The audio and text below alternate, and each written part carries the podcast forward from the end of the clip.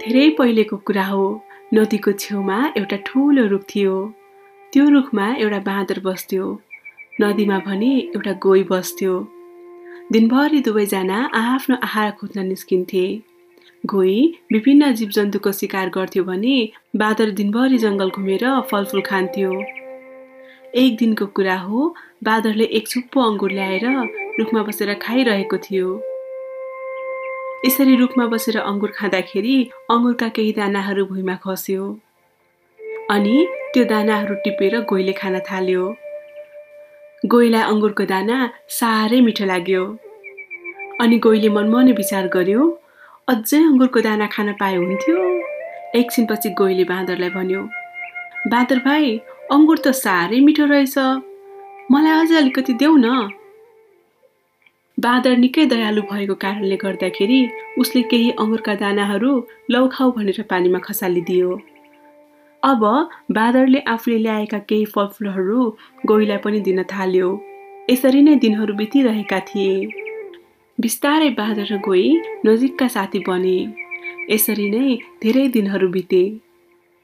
एक दिनको कुरा हो गोहीले मनमनै सोच्यो यो बाँदर मिठो मिठो फलफुलहरू खान्छ। यसको मुटु र कलेजो त झन् कति मिठो होला। यसलाई खान पाए त कति मजा आउँथ्यो होला। गोहीको मुख रसायो अनि उसले बाँदरलाई खाने विचार गर्यो। भोलिपल्ट गोहीले बाँदरलाई भन्यो बाँदर भाइ बाँदर भाइ आऊ तिमी र म नदीको पारिपट्टि घुम्न जाउँ। त्यहाँ कस्तो रमाइलो ठाउँ छ?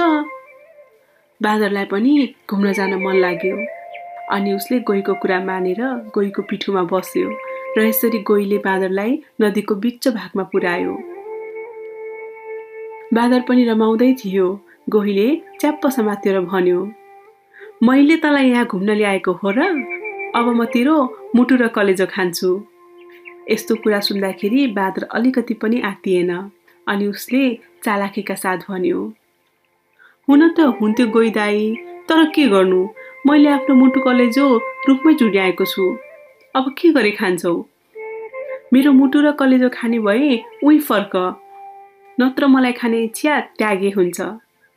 गोहीले पनि लौ बर्बाद भयो भने ठानेर लौ त्यसो भए छिट्टै जाउँ भनेर पहिलाकै रुखमा लगेर पुऱ्याए। जब उनीहरू त्यस रुख नजिकै पुगे बाँदर हत्तपत्त रुख चढ्यो अनि भन्यो खालास मेरो मुटु कलेजो यसरी धोका दिस भने तेरो कोही पनि साथी हुँदैन बुझिस्? यति भनेर बाँदर त्यहाँबाट हिँड्यो। बाँदरको यस्तो चालाकी देखेर गोई जिल्ल पर्यो।